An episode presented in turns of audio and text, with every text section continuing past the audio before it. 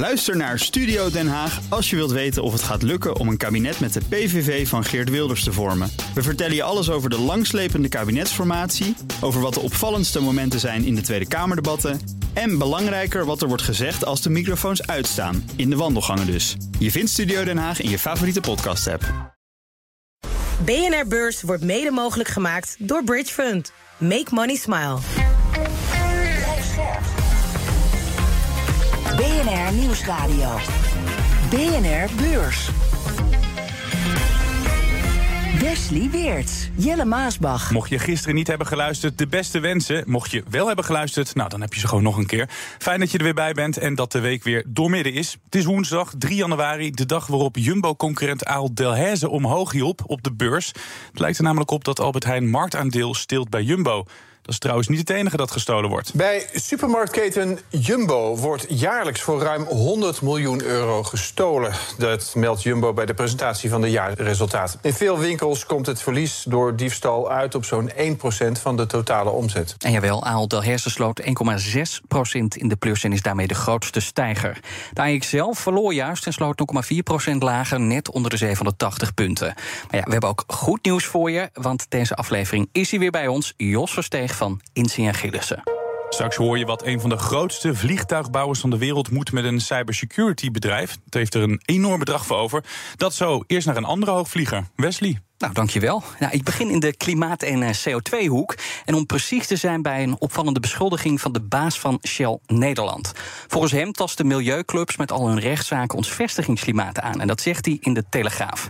Hij doelt dan op rechtszaken waar energiebedrijven worden gedwongen om sneller te vergroenen. Ja, en Shell is zelf slachtoffer van zo'n rechtszaak. Een paar jaar geleden werd Shell door de rechter verplicht om de CO2-uitstoot sneller terug te dringen. Wij staan hier vandaag voor de rechtbank in Den Haag om te zorgen dat Shell stopt met het veroorzaken van gevaarlijke klimaatverandering. En Shell vindt het oneerlijk dat één bedrijf de uitstoot van al zijn klanten omlaag moet brengen, terwijl anderen dat niet hoeven te doen. Contraproductief, al dus de Shell-baas. En hij stelt dat als Shell zijn benzinestation zou sluiten, dat klanten dan gewoon doorrijden naar benzinestations van concurrenten. Kortom, je lost hier niks mee op en het verslechtert alleen maar ons vestigingsklimaat. Heeft hij een punt, Jos? Ja, tuurlijk. Het heeft geen enkele zin om één bedrijf aan te pakken. Want inderdaad, wat hij zegt, als je die van Shell sluit... dan reizen door naar Esso. En die, en die uitspraak, moeten, moeten we die ook een beetje zien... over dat vestigingsklimaat als een bedreiging? Van pas op, we kunnen ook Nederland helemaal de rug toekeren... als het doorgaat met die rechtszaak. Nou, dat gaan ze niet doen. Er staat een enorme raffinaderij in, in Pernis. een van de grootste ter wereld. Die gaat niet zo snel weg, denk ik. Maar ja, ze hebben wel een hoofd, hoofdkantoor inmiddels al uh, verplaatst. Hè? Precies. Dus uh, ja, voor het vestigingsklimaat, ja, daar gaat het niet goed in Nederland. Kijk maar bijvoorbeeld ook uh, bedrijven als ASML, wat de moeite ze hebben om personeel te vinden. En als je dan hoort wat de politiek wil, uh, PVV, ja. het uh, zelfs voor hoogopgeleide mensen moeilijker maken om naar Nederland te komen. Dus nee, voor het vestigingsklimaat in Nederland, daar gaat het niet goed mee. Nee, en zo'n hoge topman, die geeft niet voor niks natuurlijk een interview in een van de grootste kranten van Nederland. Wat is zijn doel met dit interview, Jos? Ja, toch inderdaad invloed proberen te krijgen. En uh, proberen ja, een wat, wat, wat zinvoller beleid te krijgen. Kijk, ik denk, op zich vind ik het ook wel best goed hoor, dat hij zegt van ik wil met die actiegroepen praten. Het is natuurlijk ontzettend irritant die snelwegen blokkeren de hele tijd. Maar dan helpt het niet als je ze vervolgens de schuld geeft voor het verslechteren van het uh, Nee, nou, nou ja, kijk, weet je, je, kijk, wat hij zegt is wel goed dat je gewoon met elkaar moet praten. Kijk, die, om, om, om, om het te verergeren allemaal en uh, steeds verder uit elkaar te groeien is, is, uh, is, ook, niet, is ook niet goed. Maar kijk, ja, bij Shell zien ze, je, je merkt aan alles bij Shell. Ik heb wel met mensen gesproken daar en ook wel uitspraken gelezen van ze dat ze ja, er gewoon helemaal geen trek in hebben. Hè. Het is ook gebeurd, die, hoe heet die, Wajan? Uh, Sawan, ja. bijna goed. Sawan, meneer Sawan, die, die, die Waals Sawan, die heeft de, de, de doelstellingen ook enigszins teruggebracht. En de hele beleid, Shell is een lange termijn tanker, is erop gericht om te verschuiven van, van olie naar gas. Dus ja, helemaal zonder fossiele energie. Ja, ik zie het helaas niet zo snel gebeuren. Ook niet voor 2050. Ik zie het niet gebeuren. In hetzelfde interview doet hij een handreiking. Hij wil dus wat West zei, hij wil optrekken met die milieuclubs. Want het einddoel is gelijk, zegt hij, in 2050 netto geen CO2-uitstoot meer. Hoe goed zijn ze op dit moment bezig om dat doel te halen? Ja, dat is heel moeilijk te zeggen. Kijk, als ze praten over absolute bedragen, 6 à 7 miljard geloof ik wat ze dan in groene projecten steken. Maar ja, ik vond een van de meest duidelijke eh, ideeën van wat ze nou werkelijk willen, was toen de verkoop van gas, ik dacht schaliegasvelden in Amerika, dat leverde 10 miljard op. Oh ja. Dus ik dacht van nou, dan gaan ze dat mooi investeren in groene projecten. Maar nee, dat gingen ze teruggeven aan de aandeelhouder. Er het dividend verhoogd. Zwaktebod. Ja, ja, je ziet gewoon eigenlijk dat ze het niet willen. Kijk, het, het is ook ja, heel moeilijk. Het, het moet in de mensen zelf zitten. Dat mensen echt zelf zien van jongens, ik moet ophouden met mijn, eh, mijn benzineauto of mijn gasauto. En ja, eh, als je een in een Tesla of een andere elektrische auto rijdt, dan moet je ook maar hopen dat het groene stroom is.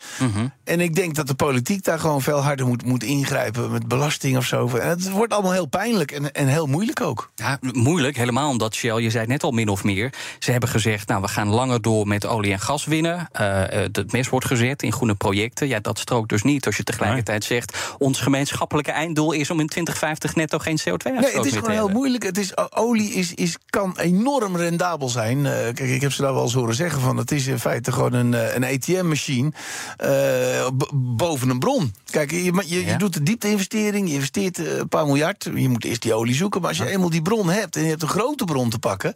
ja, dan heb je heel weinig kosten om, om die olie te produceren. En ja, soms levert die olie 100 dollar per vat op. Nou, reken maar uit. Die, die marges zijn dan ontzettend interessant.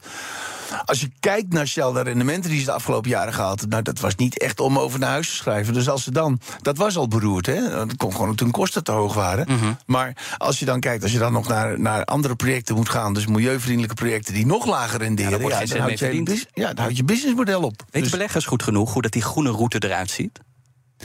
Nee, eigenlijk heeft niemand echt een goed idee. Kijk, wat, wat, wat Shell zegt, zij willen eh, uiteindelijk eh, een elektriciteitsproducent worden. Ze willen wel in die energie blijven. En die elektriciteit, ja, die zal dan eh, opgewekt moeten worden met groene methodes, wind of, of, of zonne-energie. Maar voorlopig zal dat dan toch nog voor een heel groot gedeelte gas zijn. Kijk, het probleem is ook dat je niet altijd genoeg wind of zon hebt. Hè. Zeker in de windenergiesector hebben we dat een paar keer gezien, dat er gewoon te weinig wind was. En dan heb je toch nog zeg maar, die, eh, ja, die, die achterliggende gascentrale nodig om, om in ieder geval die leveringszekerheid te krijgen. Eén ding is zeker, het blijft altijd een veel besproken aandeel. Het, omdat het gewoon in een boeiende sector is. Het blijft een boeiend nou, bedrijf. Er gebeurt nog wel wat, ja. Ja, gaan zij die aandeelhouder de komende maanden, jaren nog wel overtuigen, eh, overhalen om in hun te investeren, denk jij? Ja, is, alles heeft zijn prijs natuurlijk. Eh, de- je zou kunnen zeggen dat het dividend eh, aantrekkelijk moet zijn, eh, kan zijn. Ik ben niet zo'n dividendbelegger. Maar als je nou kijkt, ja, wat voor groei erin zit, er zit natuurlijk op lange termijn beroerd weinig groei in. Ja. En aan de andere kant zou je wel kunnen zeggen van ja, die laatste jaren, als ze dus ophouden met investeren en alleen maar olie produceren en die investeringen stoppen, ja, dan zit er nog wel een, eh, zeg maar een golden tail aan dat ze nog eventjes een flinke bak geld binnenhalen. Maar ja, ik vind het niet echt business wat nou lekker investeren is, nee. Dan iets heel anders. Wordt een deel van de omzet van Aalt Delhaize gestolen? Dat is een beetje de vraag die ik heb nu de grote concurrent Albert Heijn Van Albert Heijn. Heijn met de cijfers is gekomen. Want Wes, jij blikte gisteren al vooruit op de jaarcijfers van die supermarkt. Dat kan er maar één zijn, Jumbo, de grote concurrent. En daar zaten wel interessante dingen in, die eh, denk ik ook bij Albert Heijn spelen. De omzet die steeg met ruim 7% naar 11 miljard euro, dat is mooi. Maar ze zeggen, er is een toenemende druk op het verdienmodel... door de aanhoudende stijging van de kosten. En dan is er nog wat, en dan kom ik bij de lekkende inkomsten. Jaarlijks wordt er voor meer dan 100 miljoen euro gestolen bij de Jumbo, zegt de topman. In gesprek met de NOS laat hij weten dat het niet langer meer zo kan. Ik zie het ook wel als een bredere verantwoordelijkheid. Ook wel een bredere maatschappelijke verantwoordelijkheid. Ik zie daar misschien ook wel een rol voor de overheid en voor de politiek. Om eh, toch deze vorm van criminaliteit, die als we niet uitkijken. Bijna een beetje geaccepteerd lijkt te gaan worden. De boodschappen zijn duur, dus ach ja, dan maar die tube tandpasta in mijn zak steken. Ja, die kant kunnen we echt niet op. Er wordt inmiddels meer gestolen dan winst gemaakt, zegt de topman. En wat gaan ze eraan doen? Intensieve cameratoezicht en andere zichtbare en onzichtbare maatregelen. Nou, ook gaan ze nieuwe methoden testen. Maar ja, die stijgende kosten druk op het verdienmodel. Benieuwd of Aal Delhaize later ook met die mededeling komt in het vierde kwartaal. We gaan het zien. Ik las nog een eh, interessant verhaal over Air France KLM bij RTL Nieuws. Want wat blijkt? De luchtvaartmaatschappij profiteert nog altijd volop van gratis CO2-uitstootrechten. Anders gezegd, Air France KLM hoeft voor meer dan de helft van zijn uitstoot niet te betalen. Terwijl luchtvaartmaatschappijen dat wel moeten doen sinds 2012 al. Vanaf dat jaar moeten ze namelijk betalen voor de CO2-uitstoot tijdens Europese vluchten. En waarom Air France KLM dan niet? Nou, simpel gezegd zwemt de maatschappij in de gratis uitstootrechten. Die kreeg Air France KLM bij de invoering van dat systeem cadeau. En het idee was dat Europese luchtvaartmaatschappijen zonder die gratis rechten niet zouden kunnen concurreren met maatschappijen van buiten de EU. Ik vind het altijd een fascinerend gegeven, die, uh, die rechten. Maar goed. Ze betalen ook al geen belasting op de kerosine. Dus wel lekker toch, als je dat gratis Ja, het wordt heel erg gepromoot. Eh, Je kunt dus, de luchtvaartmaatschappij, de luchtvaart kan, kan niets verkeerd doen, Schiphol ook niet. Dus nee. voor, mij, voor mij mag zo'n on, onrendabele maatschappij uh, meteen uh, aan, aan, aan Air France teruggegeven worden. Maar... Hoe lang kunnen ze nog profiteren van die gratis rechten? Nou, er komt wel een einde aan al die cadeautjes. Tot 2026. Vanaf dan is het voorbij met de gratis rechten. En dan moeten alle uitstootrechten gekocht worden. En dat gebeurt dan via een veiling. Maatschappijen staan dus nu voor de keuze: of drastisch vergroenen om zo minder uit te stoten, of flink betalen voor die rechten. Dan naar autobouwers. Nissan en GM die zijn als de dood dat Trump aan de macht komt. Hij heeft namelijk gezegd dat hij de Inflation Reduction Act, kort gezegd een investeringspakket van Joe Biden, de nek omdraait als hij weer in het Witte Huis komt. Mm -hmm. nou, miljarden die onder meer nu gaan naar duurzame energie en ook naar subsidies voor elektrische voertuigen. In American history, this will be what they're doing right now, the biggest tax hike in the history of our country. Where did this new philosophy come from all of a sudden? Ja, en Nissan en GM die zeggen schaf het niet af, want dat raakt de verkoop van elektrische voertuigen. Ja, die hebben natuurlijk een enorm belang. Zeg dat wel. Een kleine 10% van de auto's die nu in de VS verkocht zijn, die zijn elektrisch. Dat moet aan het einde van dit decennium 50% zijn. Maar ja, dat wil de Biden-regering. Trump ziet dat natuurlijk anders. Lijkt me als autobouwer wel lastig, Jos. Hoe kan je ondernemen? Nou, je hebt het net het over politiek. Ja. Als, als de regering 180 graden kan draaien. Ja, dat is altijd een heel groot probleem. En daar bedrijf, klagen bedrijven altijd over. In datzelfde interview waar we het net over hadden van Shell president-directeur Nederland, die zei ook van ja, wat heel belangrijk is, is een betrouwbare overheid, ook in Nederland. Uh, moet je gewoon kunnen, je moet investeringen zijn voor de langere termijn. Dus als het dan inderdaad 180 graden draait, wordt het heel lastig voor bedrijven. Dus nee, dat is heel belangrijk dat een overheid betrouwbaar is. En dan krijg je als belegger dat er ook nog eens gratis bij. Dat je er daar rekening ja, mee moet nee, maar dat is ook een van de dingen die ik uh, zeker als belegger probeer zoveel mogelijk probeer te vermijden. Dus je kijkt altijd naar een sector waar uh, liefst zo min mogelijk overheidsinvloed in is. Disney sluit een pact met een activistische investeerder om juist een andere activist buiten de deur te houden. Vliegtuigbouwer Airbus wordt een stuk veiliger. Airbus geeft namelijk toe dat het overnamegesprekken voert met het Franse Atos. Het wil niet het hele bedrijf opkopen, maar het onderdeel dat zich bezighoudt met cybersecurity. En voor die beveiliging heeft het een behoorlijk bedrag over, tussen de anderhalf en 2 miljard euro. Om je een beeld te geven, voor dat geld koop je op papier de helft van alle aandelen op dit moment van Air France KLM op. Een enorm bedrag, maar luchtvaartdeskundige Joris Melkert begrijpt de overname wel. Ja, ook vliegtuigen zijn uh, ja, gevoelig voor voor cyberaanvallen. Uh, en dat moet je natuurlijk ook niet, uh, niet hebben. Je moet je niet voorstellen dat ergens boven de Atlantische Oceaan vliegtuig overgenomen wordt met een cyberattack. De geruchten gaan al lang, Jos. Nu worden ze bevestigd. Maar ik dacht, ja, wat moet een vliegtuig bouwen nou met zo'n uh, beveiligingsbedrijf? Ja, ik begrijp dat wel. Het heeft niet alleen te maken met een, een vliegtuig dat misschien elektronisch gekaapt kan worden. -huh. Maar Airbus zit ook heel erg in defensie. Hè. Ze hebben natuurlijk passagiersvliegtuigen, maar ook gevechtsvliegtuigen, helikopters. En een afdeling, ook security. Dat -hmm. hebben ze al een tijdje. Heel klein. Maar ik snap wel dat ze daarin verder willen. Want als je kijkt naar hoe oorlogen gevoerd worden. Ziet wat er ook in Rusland met, met drones. maar ook uh, cyberaanvallen gebeurt op energiecentrales. dan kan ik me wel voorstellen dat die uh, cybertechnologie steeds belangrijker wordt. En er speelt nog wat anders bij, bij Airbus. Kijk, ze moeten die A320 die moeten ze binnenkort gaan vervangen. Oh ja. Uh, nou ja, als dat evenveel wordt als die A380, die niet echt een succes was. Dat was 25 ja. miljard. Ze hebben al een, een vlieger opgelaten. Dat is wel relevant voor de luchtvaartmaatschappij. Dat misschien de Franse overheid ook zo zou moeten meehelpen daar. Dus ja, ik begrijp wel dat die, die vliegtuigbouwers. Het is heel duur om nog verdere vliegtuigen te ontwikkelen. Misschien daar in die markt wat zoeken. Als je kijkt naar de, de groeicijfers van die, die divisie van Atos Evident Divisie, die ze dan willen kopen, hè, waar dat uh, big data en uh, cybersecurity in zit. Mm -hmm. uh, daar was de groeidoelstelling zo'n 7% voor de komende jaren. Dus ja, het lijkt wel een heel aantrekkelijke business. En Atos is ook uh, blij dan dat er een koper voor de, voor de deur staat. Ja, daar raak je ook een punt. Want uh, er was, het was natuurlijk, ze hadden al eerder uh, Atos benaderd. Ze wilden toen 35% belang nemen in die Eviden business. En daar was de grootste angst daarbij dat Atos, ging natuurlijk uiterst beroerd. een hoop topmannen versleten, problemen in de VS. toen aanvankelijk dat plan om op te splitsen. En toen hadden ze het idee dat de politiek er een beetje achter zat en druk uitoefende op Airbus om om uh, daar dus die, dat cyberdeel over te nemen. Ja. Om eventueel die opsplitsing goed te kunnen financieren. Want er zit ook behoorlijk wat schuld in, uh, in Atos.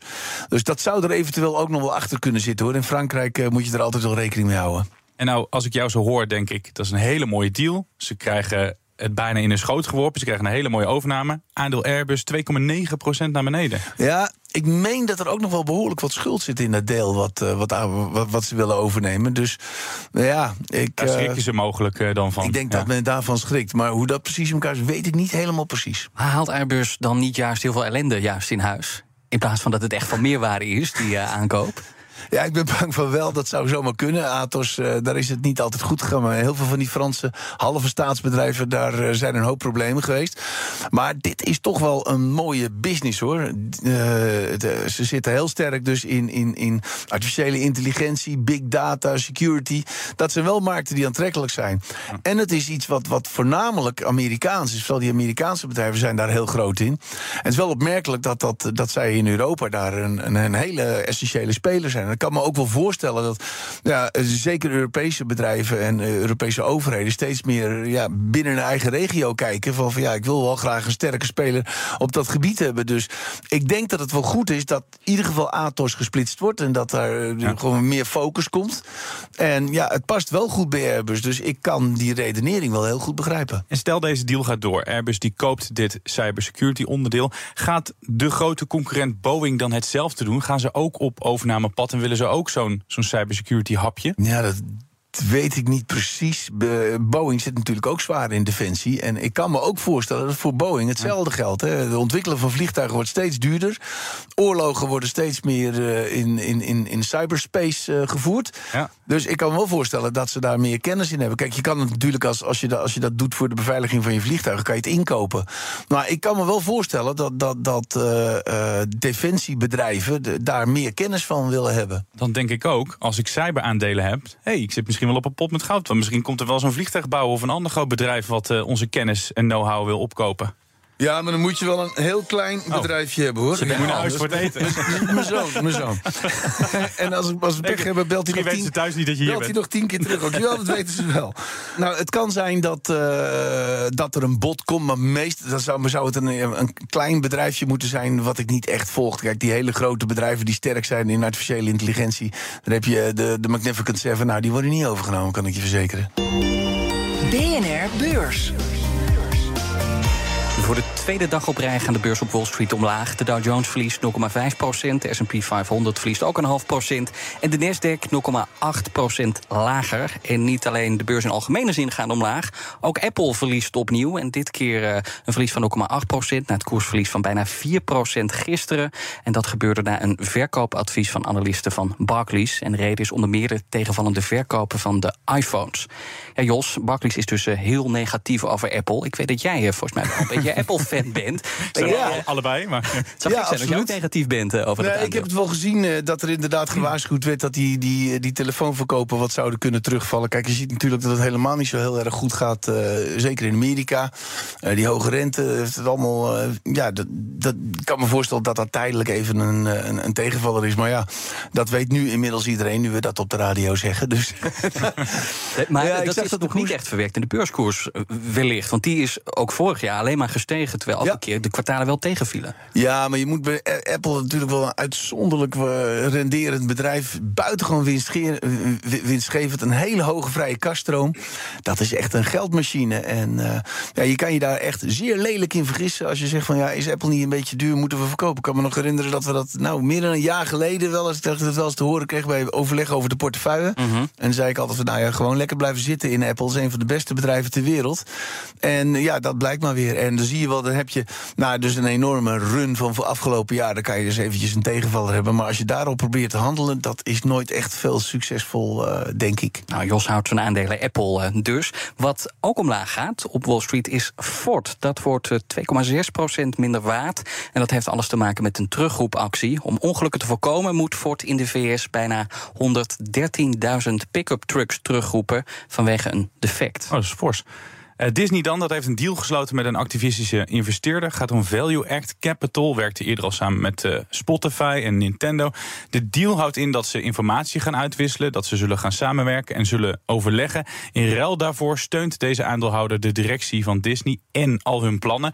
En die steun hebben ze nodig, want ze liggen overhoop met een andere activistische aandeelhouder, namelijk Nelson Peltz. Is wel bekend. Zeker, hij wil twee stoeltjes veroveren in de board. En die ene wil hij geven aan een voormalige CFO van Disney. Dus dat is ook nog wel spannend. Hè? Voor, die, voor die Bob Iger, die is teruggekomen uit zijn pensioen. Die moet zich daar de boel gaan managen. En dan moet hij met een voormalige collega uh, ja, de boel gaan sussen. Door deze deal hoopt nou, Disney in ieder geval de boel te redden. Aandeelhouders, ja, licht enthousiast. Aandeel staat uh, 0,3% in de plus. BNR Beurs. Aan het begin van het jaar is het altijd vaste prik. Goede voornemens. Afvallen, meer bewegen, stoppen met roken, minder snoepen. Nou, je kent het wel. Leuk voor je, maar wij zijn meer benieuwd naar de beleggingsplannen voor dit jaar. Wat zijn de goede voornemens op de beurs? En daar staan we deze hele week bij stil. Dus Jos, wat ga jij anders doen dit jaar? Nou, dat is heel leuk om daar eens over te praten. Ik begin me eigenlijk in de afgelopen jaren steeds meer te ergeren aan uh, hoe dat gaat bij banken. Uh -huh. Ja, wij doen het zelf ook van, van dat je dan de, de, de strategie voor het jaar moet uitzetten. Uh, ja. ja. Of dat dan in één keer op 31 december de zaak is veranderd. Er is niks veranderd. Kijk, als je goed bezig bent, dan heb je natuurlijk altijd je strategie voor langere termijn staan. Uh -huh. En ik vind ook liefst langer dan een jaar. Dus ik denk dat jij aan het begin van het jaar helemaal niet zoveel moet doen. En gewoon uh, je lange termijnvisie vasthouden. En die gaat over meerdere jaren.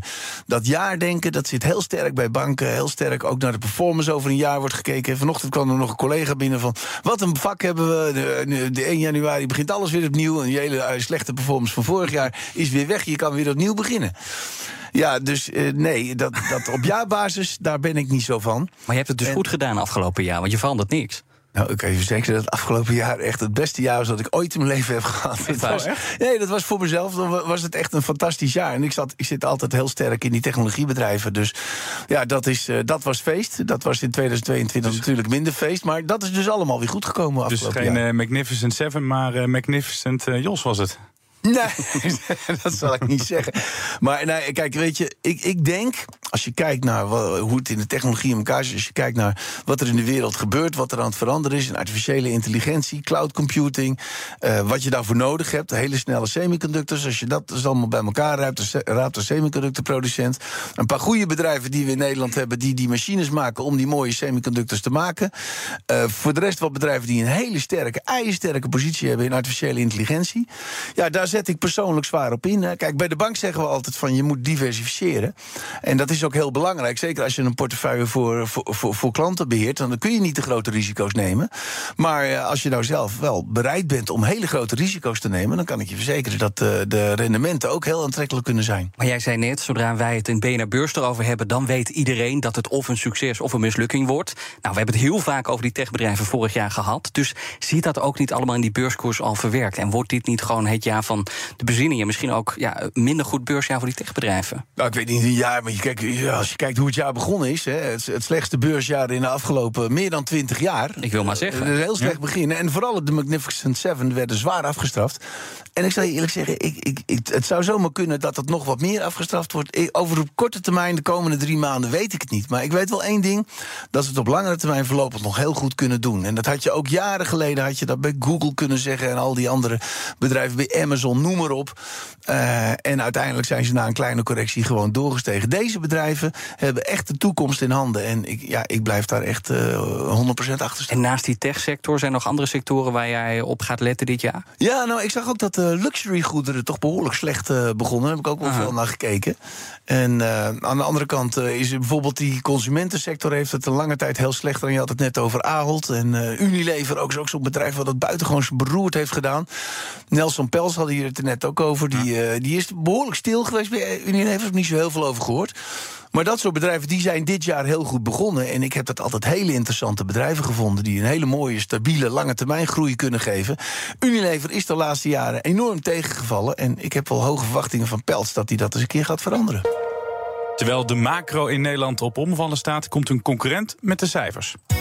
Nou, Jumbo maakt dat andere bedrijf uit Veghel zijn jaaromzet over 2023 bekend. Sligro. In het eerste halfjaar zag de groothandel zijn omzet nog flink stijgen. Maar Maar belangrijker is de winst. Daar bleef weinig van over. En de vrees is dat in het tweede deel van het jaar dat niet anders is. Sligo kampte al langer met hoge kosten en verliezen in België. Op die winstcijfers moeten beleggers toch nog even wachten. Want die presenteert Sligo pas volgende maand. Het komt nu eerst met de jaaromzet. Verder krijgen we cijfers over de Europese bouwsector. Want hoeveel bouwvergunningen werden er in het derde kwartaal verstrekt? In het kwartaal ervoor daalde vooral het aantal vergunningen voor nieuwbouwwoningen. Huizenkopers waren voorzichtiger met het kopen van nieuwe huizen vanwege de hoge rente en economische onzekerheid.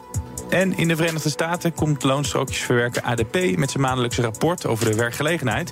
De vorige keer nam het aantal banen minder hard toe dan verwacht. En dit was de BNR-beurs van woensdag 3 januari, waarin het heel veel ging over het klimaat. Air France KLM vliegt Europa rond en betaalt nauwelijks voor klimaatschade. Autobouwers die zijn doodsbang dat Trump het klimaatpotje van Biden gaat slopen.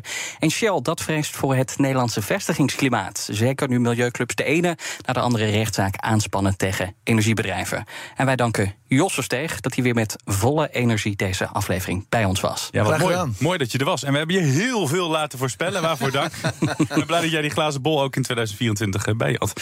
Dat was Jos Versteeg van Insinger Gillissen. Zeggen wij alleen nog uh, tot morgen. Zeker, wij zijn er morgen weer. Tot dan. BNR Beurs wordt mede mogelijk gemaakt door Bridge Fund. Make money smile. Ook Diana Matroos vind je in de BNR-app. Ja, inderdaad. Je kunt live naar mij luisteren tijdens de Big Five. Ook handig in de BNR-app. Breaking nieuwsmeldingen, maar ook het allerlaatste zakelijke nieuws. En je vindt in de app alle BNR-podcasts, waaronder Wetenschap Vandaag. Download nu de gratis BNR-app en blijf scherp.